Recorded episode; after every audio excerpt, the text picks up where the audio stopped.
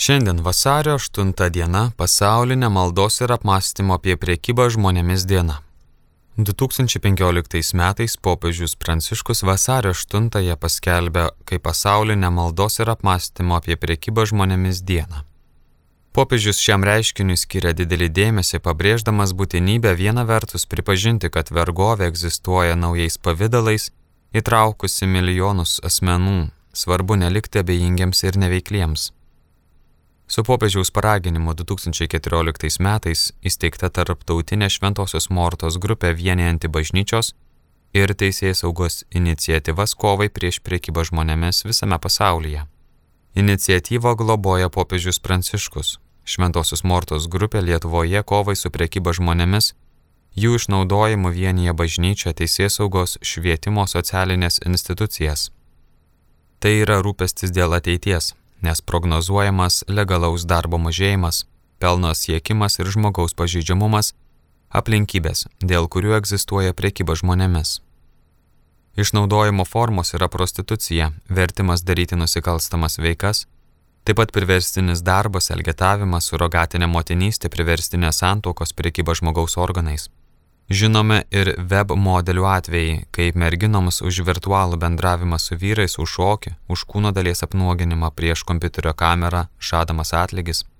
Reikalavimai auga, modeliai prasiskolina, dirba jų vardu išnuomatose būtuose su į skolą nupirktais kompiuteriais galiausiai verčiami užsimti pornografiją ir prostituciją.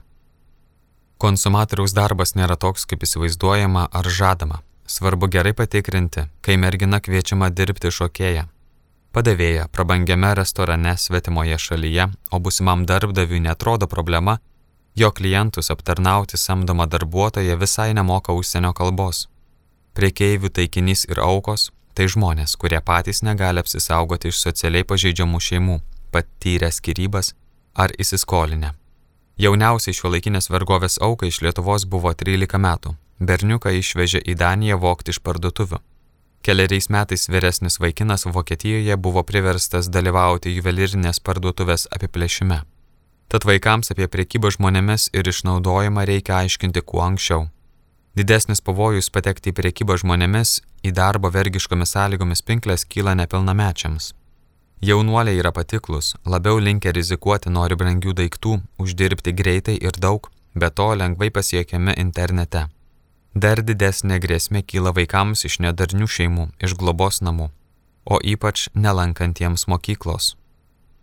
Prekeiviai žmonėmis kreipia dėmesį į asmenis, kurie karšlygiškai ieško pajamų šaltinio, nes netikėtai neteko darbo, neturi santaupų, spaudžia skolos, Nusikaltelių akiratyje atsiduria socialinę riziką patiriantys vietos bendruomenių ignoruojami žmonės, taip pat potencialūs emigrantai, kurie yra pasiruošę išvykti į užsienį vos gavę pelningą pasiūlymą. Aukų ieškoma per darbo, mokslo užsienyje skelbimus spaudoje, interneto pokalbių svetainėse, trumposiomis žinutėmis per pažįstamus ar net giminės, per profesionalius verbuotojus, per fiktyves turizmo, įdarbinimo ar mokslo užsienyje agentūras, per pažinčių tarnybas, per fiktyves santuokas. Dėl žinių stokos ne visais atvejais išnaudojimo auka tapatina save kaip auka. Pavyzdžiui, už darbą gavęs tik menkutę dalį sutartos sumos uždirbtų pinigų negaunantis asmuo nesusivokia buvęs išnaudotas, vis tikisi, kad darbdavys kažkada sumokės. Kai darbdavys apmoka kelionę, išnuomoja būstą, perka drabužius, maistą, tiesiog iš geronoriškumo rimtas įtarimas. Oficialios tarpininkavimo paslaugos visada mokamos. Prekeiviai aukai padeda dėl dviejų priežasčių. Pirma, tai yra savotiška investicija į prekę, kurią ruošiamasi pelningai parduoti. Be to, prekiautojai žmonėmis siekia, kad asmuo įsiskolintų ir taptų nuo jų priklausomas. Šiuo laikinė vergovė susijusi tiek su legale, tiek su nelegale migracija. Klaidinga galvoti, kad tai vyksta tik užsienyje. Grėsmė pakliūti į darbą vergiškomis sąlygomis kyla ir į mūsų šalį atvykstantiems imigrantams iš trečiųjų šalių.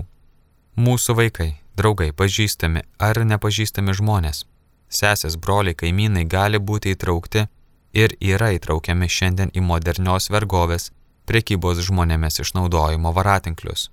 Kai mažai pažįstami ar visai nežinomi žmonės siūlo paslaugas, vaišina ar skubina priimti sprendimą, Raginama informacijos apie darbdavį ieškoti internete, žiūrėti, kokius kontaktinius duomenis jis pateikia.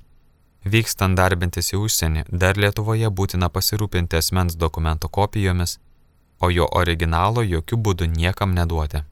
Priekyba žmonėmis yra didžiausias šiuo laikinės modernios visuomenės skaudulys. Man taip nenutiks. Ši nuostata pirmasis mitas, jį būtina sugriauti ir jaunuolio, ir pagyvenusiojo galvoje.